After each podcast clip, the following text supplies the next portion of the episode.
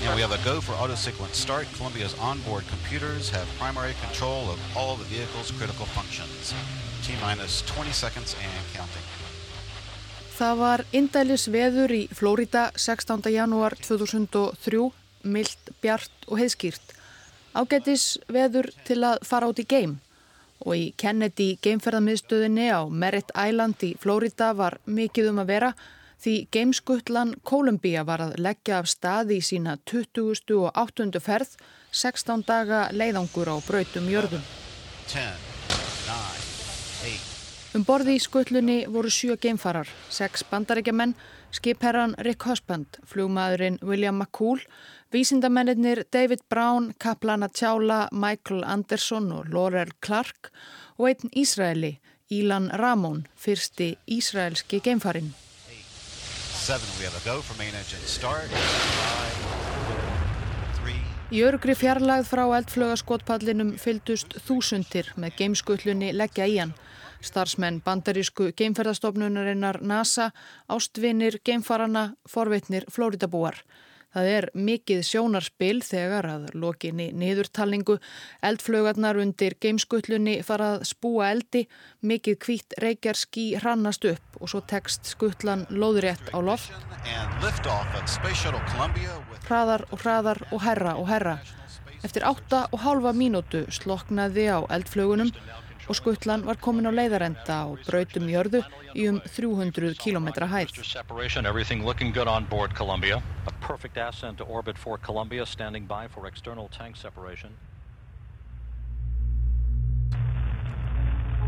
Houston now controlling the flight of Columbia, the international research mission finally underway.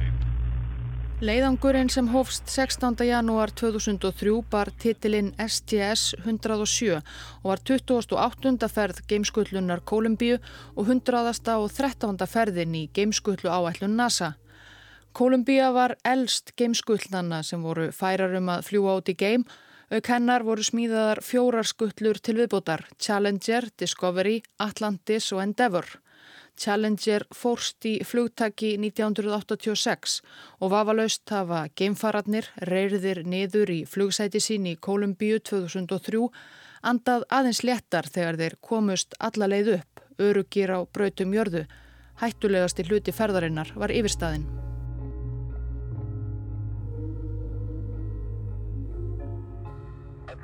Hinni metnaðarfullu Apollo áallun NASA sem kom mönnum á tunglið laug 1972 og álíka fóktýr verkefni voru þá ekki lengur efst á stefnusgrá stjórnar Richard Nixons bandaríkjaforsetta. Apollo-flögarnar voru einnota eldflögar sem eigðilögðust við heimkomu en það sem NASA og bandarísk stjórnvöld vildu næst voru endurnýtanlegar geimflögar, nokkuð sem erði vonandi hagkvæmara og ódýrara, geimskullur. Áformum NASA um geimskutlu fylgdu fleiri hugmyndir um stóra bandaríska geimstöð og var geimskutlan þá aðalega hugsuð til að ferja menn og farma til og frá geimstöðinni. Að lokum fegst þó ekki fjármagn frá Nixon og félögum til að gera alvöru úr metnaðarfylstu geimstöðarhugmyndunum. Engu að síður var á áttunda áratögnum ráðist í hönnun og smíði geimskutlunar, farartæki sem hafði þá engan sérstakann áfangastað eða tilganganan en að fara upp og svífa um á braut um jörðu. Það var þó alls ekkert smámál. Geimskutlan varð ekki bara að geta komist út í geim, heldur niður aftur, þóla gífurlegan hita á leiðinni niður á jörðina og lenda svo eins og hverjanur flúvel og endur taka svo leikin aftur og aftur. En NASA tókst ætlunarverk sitt og eftir áralánt þrónarferli leitt geimskutlan dagsins ljós. Miklu flugvélarlegri en fyrri keimfur með vangi og sterð við alvanalega DC-9 þóttu rými fyrir um 6-7 manna áhafn knúin áfram af þremur eldflugarheblum og í flugtæki tengd við gríðarstóran elsnitistang og fyrsta geimskutlan Kolumbía fór í sína fyrstu geimferð 12. april 1981.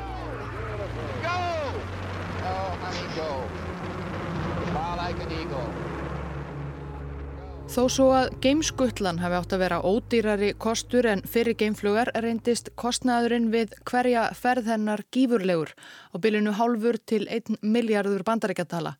Því var mikilvægt að vanda til verka og eigða yngu í óþarfa. Undanferðin árhafðu geimskullur NASA ferjaði ímsa hluti til og frá álþjóðlegu geimstöðinni sem byrjaði var að byggja 1998 í hluti og vistir. Þar hefðu sömulegis ferjað upp í geim gerfinnetti meðal annars fyrir bandaríska herin. Það var mikilvægt tekjulind fyrir hérna fókdýru geimskullu áætlun. Markmið leiðangurs Kolumbíu í janúar 2003 var hins vegar bara vísindarlegt, tilraunastarf. Þetta var leiðangur sem hafi verið frestað nokkrum sinnum þar sem eitthvað annað og mikilvægara hafi komið upp. En nú átti að koma þessum tilraunum frá svo hægt veri að innbeita sér að gerfinhattaflutningum og geimstöðvarsmíði.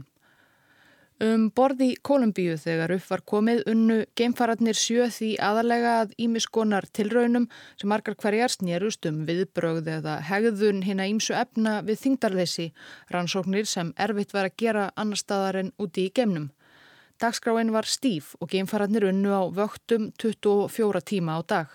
Útsýnið yfir jörðina er svo fallegt. Í dag sá ég alla norðanverða Líbíu, sína í skaga, allt Ísrael og Rauðahafið.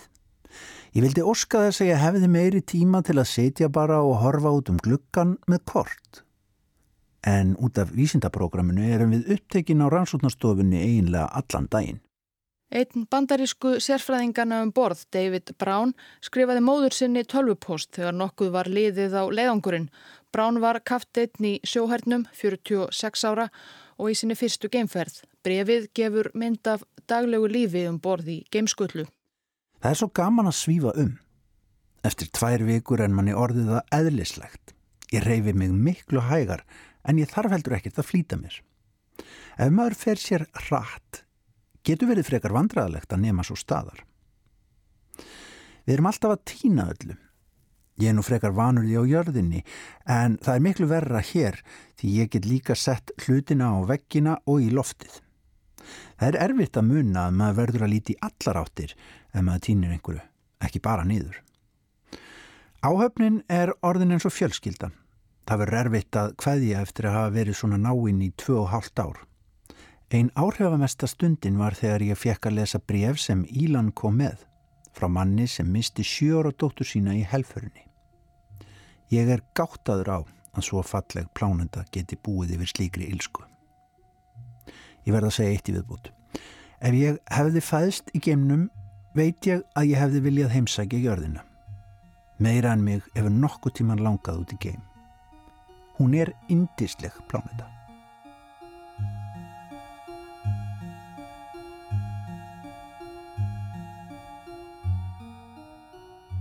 Þegar Kolumbíja lagði á stað var óvinni mikil örgiskæsla við skotpallin á Kennedy geimstöðinni í Flórida. Ástæðan var svo að það var Ísraeli um borð. Ílan Ramon, orustu flugmaður í Ísraelska hernum og fyrsti Ísraelin í geimnum, var með sérstatt verkefni frá heimalandi sínu að taka myndir og rannsaka hvernig eigðimerkur sandur í andrumsloftinu yfir Östurlöndum hefði áhrif á veðurfar. Hann hjælt líka dagbók og eftir sex daga um borði Kolumbíu skrifaði hann Í dag var fyrsti dagurinn sem ég fannst ég í alvörunni búa í geimnum. Ég er orðin maður sem býr og vinnur í geimnum. Þetta var auðvitað magnaður tími fyrir geimfarana. Þeir hafðu búið sig undir þetta verkefni, þessar tvær vikur í geimnum, í meira en tvö ár. Laurel Clark, herrlæknir í bandaríska sjóhernum 41 árs, var líka í sinni fyrstu geimferð og ekki síður uppnuminn eins og hún lísti í brefi til eiginmann síns á jörðunniðri. Ég hef séð svo margt magnað. Eldingar breyðast út yfir Kirrahafið, söðurljósinn lýsa upp sjóndeldarhingin yfir borgarbjarmanum frá Ástralíu, vaksandi tungl setjast, sléttur Afríku og sandöldur hornhöfða, ár sem brjóta sér leið gegnum klettaglúfur, örmannkinsins í landslæginu, líflínuna sem liggur frá Norður-Ameríku gegnum Mið-Ameríku og til Suðurs. Hvenar sem ég líti út er útsýnið magnað. Meiri sé að stjörnundnar skína á einhvert sérstakann hátt.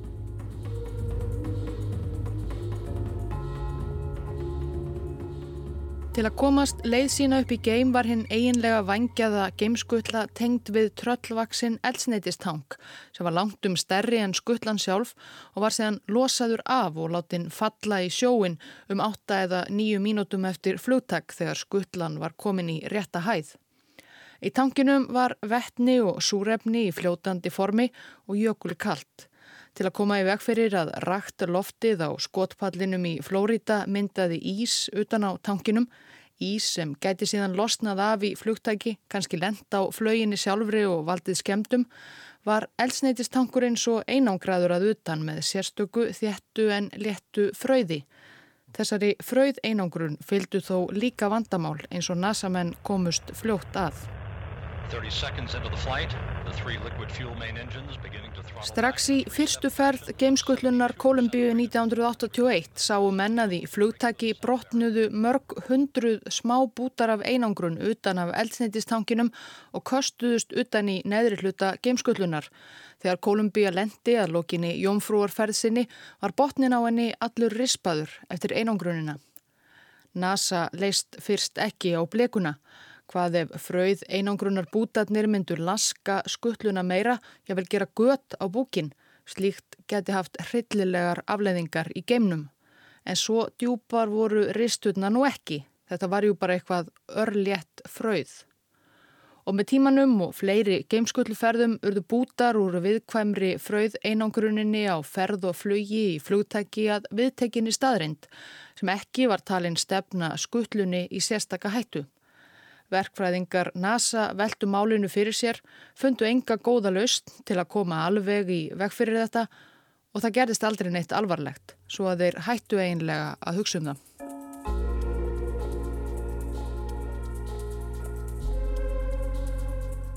Reyndar hafði óvenju stór fröðbútur losnað af og rekist á í flugtaki annarar yngri geimskullu, Atlantis, bara þremur mánuðum fyrir 28. ferð Kolumbíu þegar Atlantis lagði af stað í heimsókn í alþjóðlegu geimstöðina í oktoberbyrjun 2002.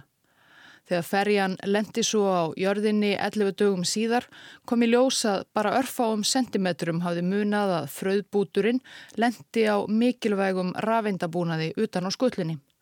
Formleg rannsókn var fyrirskipuð en hún fórst fyrir. Það var mikið að gera hjá NASA þessa mánuðina og með rándýrt verkefni eins og gameskullunar var brínt að halda sig við allar tíma áallunir. Þar á meðalmátti alls ekki fresta ennþá meira fyrir hugðum vísindaleiðangri sjö geimfara um borði geimskullunni Kolumbíu, leiðangri STS 107.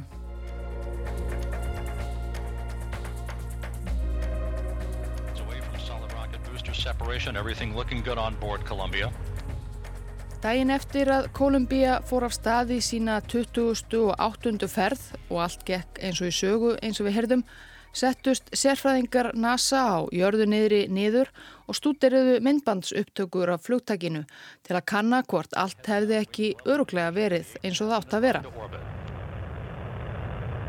En það sem í ljós kom þegar upptökurnar voru grand skoðaðar var að 82 sekundum eftir flugtak þegar skuttlan var í um 20 km hæð og komin á um 2600 km hraða hafði fröðbútur líklega á sterfið skjálatösku, tæft kílóa þyngd, losnað ofarlega af elsneitistankinum og feikst að þér virtist á vinstri vang skullunar. Myndbandsupptakan var óljós og erfitt að sjá nákvæmlega hvar fröðbúturinn hafi lent og hvort áræksturinn geti talist alvarlegur. Nei, líklega ekki. Þetta var bara fröðdrasl og svona var jú alltaf að gerast. Þegar vika var liðinn af leiðangri Kolumbíu skrifaði Steve Stig, yfirmaður stjórnstöðvar NASA á jörðunniðri, flugstjórum geimskutlunar Tölvupost. Kæru Rik og Vili. Þið standið ykkur svo vel í að halda ykkur við áallanir og stunda frábær vísindastörf. Haldið áfram þessari góðu vinnu og látið okkur vita ef við í stjórnstöð getum gert eitthvað betur. Það er eitt sem ég myndi vilja segja ykkur frá. Hér fylgdi stutt lýsing á því sem vitað varum fröðbútin og vinstrivangin. Sérfræðingar eru búin að skoða myndinar og hafa engar áhugir af skemdum. Við höfum séð það sama gerast í mörgum öðrum ferðum og höfum engar áhugjur af heimferðinni. Það tekur því eiginlega ekki að minnast á þetta, bara svo þið fáið ekki neinar óvæntar spurningar um þetta frá bladamanni. Rick Husband, skipherra Kolumbíu, svaraði um hæl Takk æðislega Steve og bætti svo við broskalli. Það var ekki alveg satt að engir hjá NASA hefðu neinar áhyggjur. Þegar yfirmaður stjórnstöðvar sendið þennan tölvupost var ennverið að rannsaka málið. Að því marki sem hægt var að rannsaka mögulegar skemdir á geimskutlu sem var enn lengst úti í geimnum. Þetta var óvenju stór fröðbútur sem hafði losnað, sá stærsti í sögu geimskutlunar. Nokkrir verkfræðingar fóru fram á að útvegaðar yrðu eftir einhverjum leiðum fleiri myndir af vinstri vang skutlunar. Hægt var að taka myndir af skutlunni með gerfinötum eða mögulega langdrægum sjónaukum bandaríkjahers á jörðunniðri.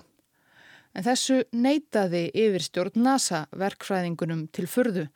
Eitt þeirra, Rodney Rosia, saði síðar í bandarískum heimildathætti. We, we I want you to tell me how bad that car accident is that you just heard out the window. Okkur fannst við vera í öfugsnúnum heimi.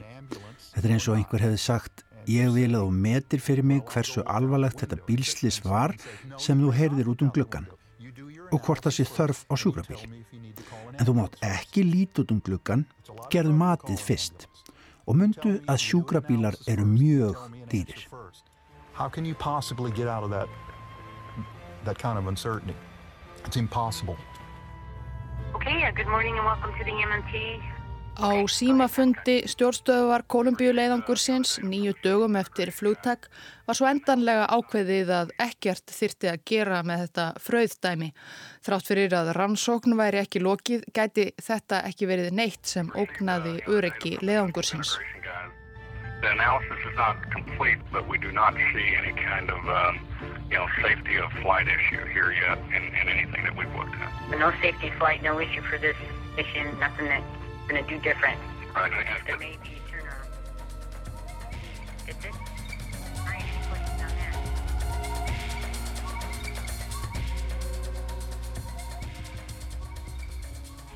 1. februar 2003 hafðu geimfararnir um borði í Kolumbíu lokið um 80 tilraunum af ýmsu tægi og dvalið hátt í 16 daga um borði í geimskullunni á brautum jörðu. Það var komin tími til heimferðar. Okay. Um 20 mínútur fyrir nýju samkvæmt staðartíma í Flórida kveikti einn geimfarana, Laurel Clark Læknir, á myndbands upptökuvél til að festa heimferðina á filmu. And don't forget about the... Uh stuff on page 3-44. Upptakan sínir þröngan flugstjórnarklefa Kolumbíu, allsettan tökkum, skjáum og annars konar stjórngræjum og geimfara í appelsínugulum stökkum vandlega beltaða niður í sætin sín. Þeir virðast gladbeitir. Indversk ættaði geimfarin Kalpana Tjála veifar í myndavélina. Út um lítinn glugga má sjá appelsínugulan bjarma af eldflögum skutlunar. Áhafnarfóringin Rick Husband grínast með að nú væri ekki sérlega notalegt að vera stattur fyrir utan skutluna. Ekki fyrir ekkar en fyrirdaginn svo sem. It's really getting uh, fairly bright out there. Yeah, you definitely don't want to be outside now. Like we did before. Skutlan var um þetta leiti í um 100 km hæð og á hraðri leið til jarðar á 27.000 km hraða á klukkustund. Niðri á jörðinni í Houston í Texas var stjórnstöð NASA líka komin á fullt. Í stórum sal sátu sérfræðingar geimferðastofnunarinnar við ótal skjái og greindu upplýsingar sem flókin búnaður skutlunar sendi til þeirra, áætlaðan lendingarferil, veður og loftslags upplýsingar og fleira. Action GNC, you ready? Right, action ready. GNC's go. Fimm og hálfri mínútu eftir að kveikt var á myndbands upptökuvelinni um borði í Kolumbíu, 13 mínútur í nýju að staðartíma í Flórida, sagði Rick Husband áhöfn sinni að hætta að leika sér og sína einbeitingu. Um mínútu síðar lauk myndbands upptökunni. Það voru þá um 25 mínútur áætlaðar til lendingar í Flórida. Skutlan átti að fljúa yfir stóran hluta suðvestanverðra bandaríkjana og árisulir íbúar í Nevada, Arizona, Utah og Nýju Mexiko fór út til að geta orðið vitni að þessu sjónarspili, geimskutlunni þjóta yfir himinin eins og halasterna. Game áhuga maður að nafni Scott Valentine kom sér fyrir fyrir utan heimili sitt í Flagstaff í Arizona með sinni sínum Chris og tók upp á myndband þar sem fyrir augu bar. Is that it? There it is. Right there. There it is. There it is. It's cool. That is cool. Um svipa leiti í stjórnstöði Hjústón leti verkfræðingurinn vita af nokkru ofinnilegu. Fjórir hitanemar á vinstri hlið skuttlunar höfðu dottið út að þér virtist á svo að segja sama tíma. FYI, I've just lost four separate uh, temperature transducers on the left side of the vehicle, uh, hydraulic return temperatures. Þetta var sannarlega ofinnulegt. Stjórnandi stjórnstöðvarinnar spurði að bræði hvort nematnir fjórir ættu eitthvað sameinlegt. Ekkert, svaraði verkfræðingurinn, nema að þá er alla að finna aftarlega á vinstri vang skutlunar. All four of them are located in the uh, aft part of the left wing, there is no commonality. Í Flagstaff í Arizona fylgdust Scott Valentine og sonur hans enn með flugi geimskutlunar yfir heimkinu þeirra. Það var enn dimt í Arizona og skuttlan byrtist á næturhimninum eins og kvítur eldnöttur með langa rák á eftir sér. Og svo voru rákirnar allt í hennu tvær, eins og hluti hefði losnað af. Sonur Scotts Valentine rópaði yfir sig. What the heck is I that? don't know, but I see what you're saying. Víðsvegarum suðu vestanverð bandaríkin sá fólk með augun á himninum svipaða óhugulega sjón. Eitthvað virtist kvarnast af geimskullinni. En í stjórnstöð NASA vissum enn enn ekki af þessu og reyndu enn að fullvissa sjálfa sig um að nemarnir í vinstri vagnum sem hefðu dottið út getu ekki skipt svo miklu máli. Þegar klukkuna vantaði um eina mínútu í nýju í Flórida flög geimskullan yfir landamæri Nýju Mexiko og Texas í 65 km hæð.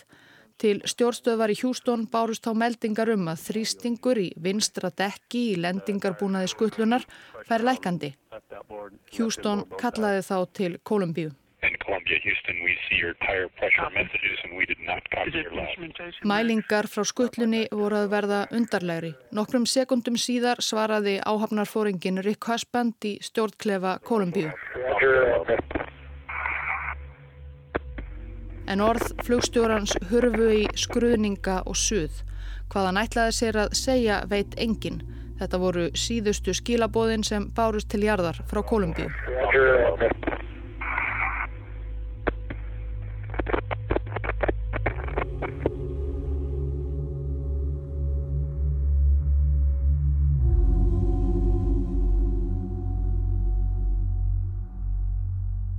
En í Hjústón vissum enn það ekki, ekki strax. Á næstu sekundum og mínútum bárust enn frekari vísbendingar um að eitthvað væri ekki eins og það ætti að vera um borð í skullunni, fleiri villumeldingar og nemar sem döttu út.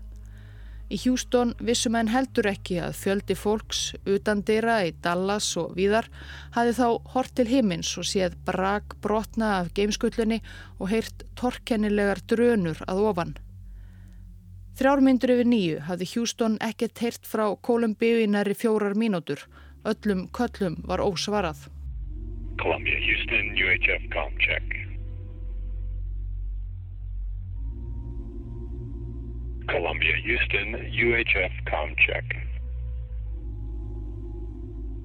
Það var um svipaleiti sem brak úr geimskullunni fór að lenda á jörðinni í austanverðu Texas á ræktarlandi, vegum, í bakgörðum og á bílrúðum.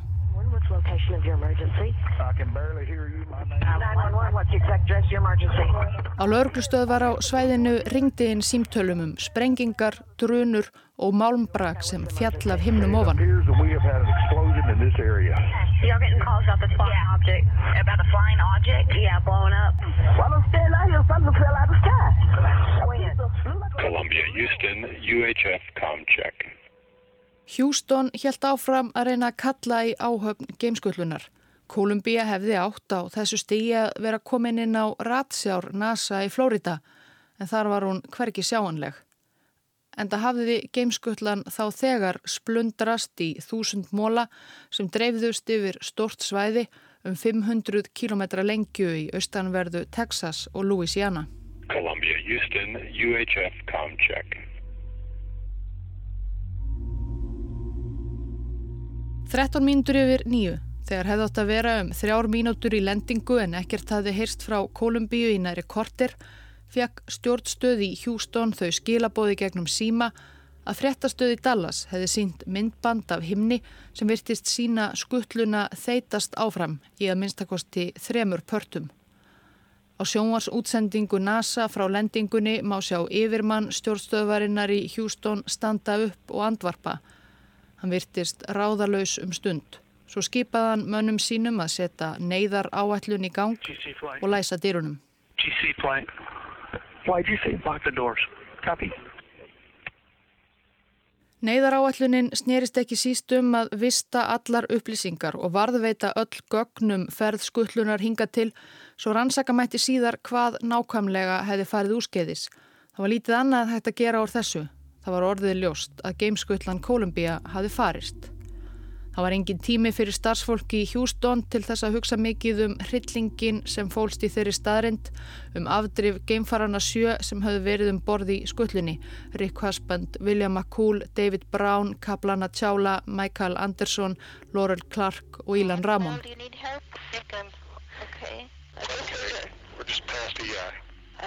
My gloves. Það voru engar líkur á að þau hefðu komist lífsaf á 20.000 km hraða í 60 km hæð. Fjölskyldur geimfarana byðu við lendingarbröytina í Kennedy geimferðarmiðstöðinni í Flórida. Þeim var fljóðlega smalað saman, farið með þau inn í lokað herbergi og þau skildu flest strax að eitthvað alvarlegt væri að.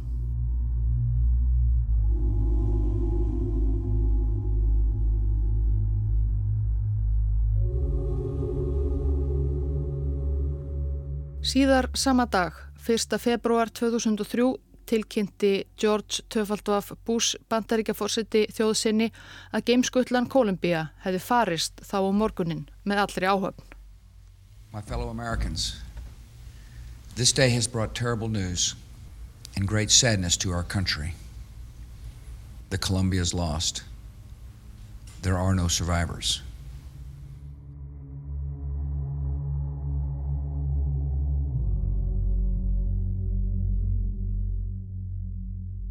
Við tók umfangsmikil leit að braki geimskullunar á meira en 5.000 ferkilometra svæði að mestu í Texas en einnig í Louisiana. Þúsundir sjálfbóðaliða þrettu vikum saman, tún, hlýðar og sléttur, köfuðu í tjörnum og stöðuvötnum og söpnuðu saman málm, drastli og sundur tættum tækjabúnaði. Einhverjir reyndu að græða, eitthvað brak dúkaðu upp á uppbóðsöfnum eBay en yfirvöld gerðu allt slíkt upptækt. Að lokum tókst að sapna um 84.000 bútum. Það voru þó aðeins tæp 40% af geimskullinni.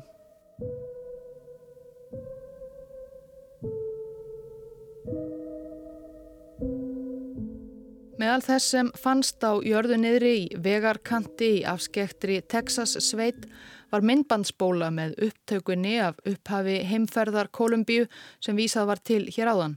Ótrúlegt en satt var spólan að mestu óskemmt og enn áhorfanleg.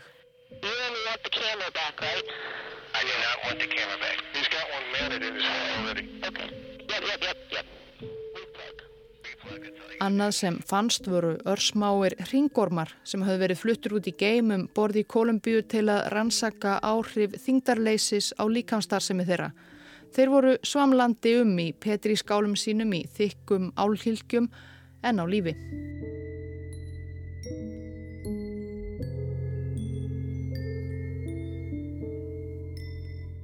Brakinu var nákvæmlega raðað saman í stóru flugskíli í Kennedy geimferðamiðstöðinni í Flórida. Sérstök nefnd sérfræðinga, Columbia Accident Investigation Board var skipuð til að rannsaka tildrökslissins með aðstóð fjölda verkfræðinga NASA. Fyrstu dagana eftir slísið komu fram ímsarkenningar um hvað hefði grandað geimskullinni. Kanski hafði hún orðið fyrir geimrusli, fuggli, einhverjir veldu meira að segja fyrir sér hriðiverka árás. En grunur rannsóknarnemdarinnar beindist fljótt að fröðplastinu sem hafði skollið á vinstri vagnum í flugtaki. Það var ekki gleimt þó svo að NASA hefði ekki talið það mikilvægt á sínum tíma.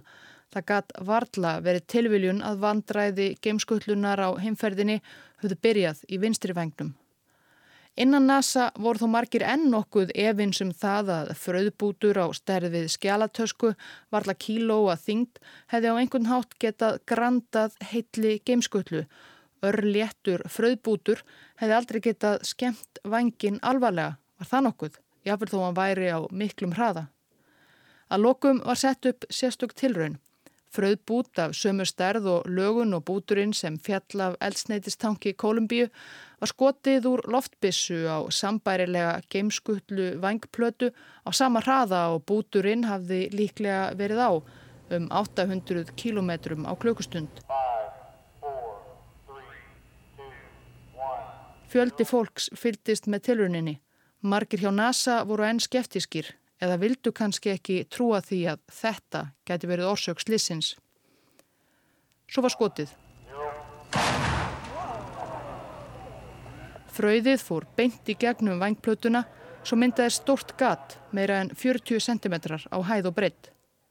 Eftir að hafa séð þetta urðu flestir skeftikerarnir samfærdir. Það var ekki annað hægt og frekari tilraunir og rannsóknir áttu eftir að staðfesta þetta. Það var nokkuð ljóst hvað varð Kolumbíu að falli. Vangurinn hafði orðið illa laskaður eftir fröðbútin svo að í lendingu streymdu funheitar gastegundur óhindrað inn í velarbúnað vangsins með þeim hörmulegu afleiðingum að geimskutlan á endanum splundraðist með allri áhöfn.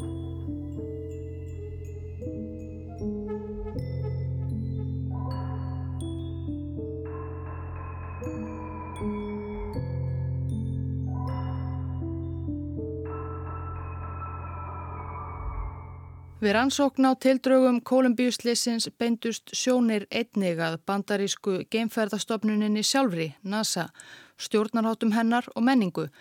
Ekki var hægt að líta fram hjá því að verkfræðinga innan stopnunarinnar hafði grunað að skemdir getu hafa orðið á skuttlunni í flugtæki en yfirstjórn NASA hafði ítt ávíkjum þeirra til hliðar, í raun þakkað niðrið þeim. Ef skemdirnar á vangskutlunar hefðu verið staðfestar fyrir heimferð hefði mögulega mátt koma í veg fyrir mannskaða, bjarga áhöfninni með einhverjum leiðum. Það hefði verið ansi erfitt en kannski hefði mátt senda björgunarflug eða geimfararnir hefðu geta gert sjálfur við vangin eða eitthvað. En það var aldrei möguleiki á því að gera neitt slíkt. Sömuleiðis hafi NASA lengi vitað af því að frauð átti það til að kvarnast af eldsneitistöngum geimskutlunar í flugtæki og valda skemdum á skrokkennar. En þetta var ekki álitið sérstætt vandamál, ekki ógn við öryggiskutlunar og geimfara um borð. Svona nokkuð hafði jú gerst áður án alvarlegra afleiðinga og því var ekkert að óttast. Lokaskýrsla rannsóknanemdar Kolumbíuslissins fór væga sagt horðum orðum um stjórn NASA og þá menningu sem hún hafi látið líðast innan stopnunarinnar. Það sem áherslan var ekki mest á öryggi heldur að halda sig við kostnaðar áætlanir. Það sem erfitt var fyrir almenna starfsmenn að ná eira yfirmanna og koma áhyggjuöfnum að og ofur trú var á að ef eitthvað hefði gengið upp einu sinni myndið það alltaf gera það. NASA þurfti á endanum að fara í ítarlega naflaskoðun eftir að skýrsla rannsóknarnemdarinnar kom út og all nokkrir stjórnendur voru lækaðir í tegn.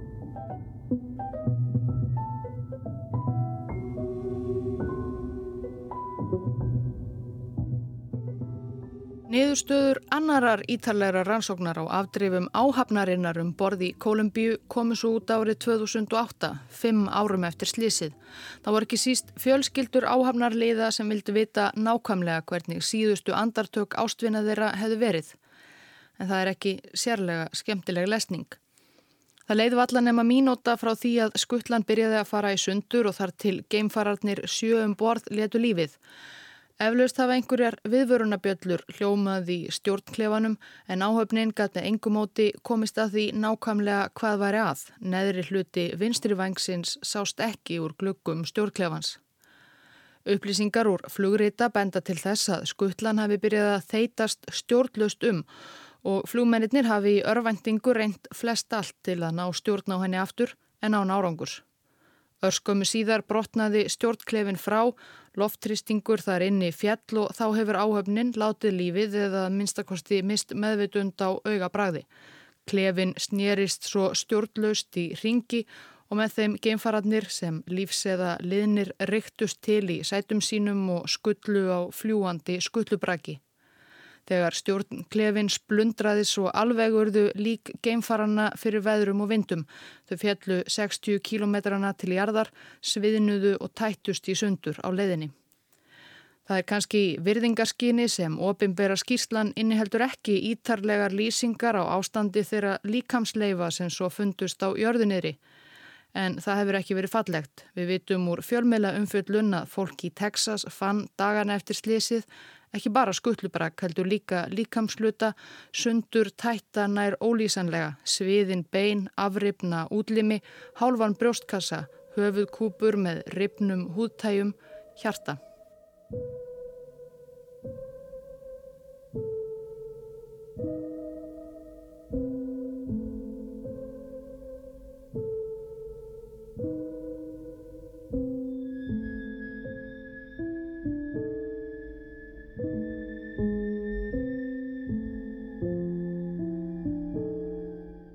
Öllum fyrirhugðum geimskulluferðum NASA var frestað eftir að Columbia fórst á meðan slísið var ansakað og geimskulluflotin endurskoðaður. Það liði meira en tvö ár þar til geimskullan Discovery hóf sig loks aftur á loft í júli 2005. Ímsar breytingar voru gerðar á skullunum, ekki síst á einangrunar fróðunni á elsneitistöngunum. Fróðan helt þó áfram að losna af af og til í næstu ferðum sem betur fer aldrei með eins hræðilegum afleðingum og 1. februar 2003. Geimskullufloti NASA var alfarið tekin úr umferð í júli 2011 eftir þrjá áratugi og 135 ferðir. Þaraf fórust tvær skullur, Challenger 1986 og Columbia 2003 og með þeim alls 14 geimfarar. Frá 2011 hafa bandarískir geimfarar aðalega ferðast um borði í rúsnenskum Soyuz geimförum. NASA vinnur nú að hönnun nýs geimfars, Orions, sem líkist geimskullunni einlega ekki neitt, en á að geta flutt manneskjur enn lengra út í geim, jáfnvel til Mars. Markmiðið er að Orion þessi verði tilbúin til mannaðara geimferða um 2023, jáfnvel fyrr ef allt gengur að óskum. Roger.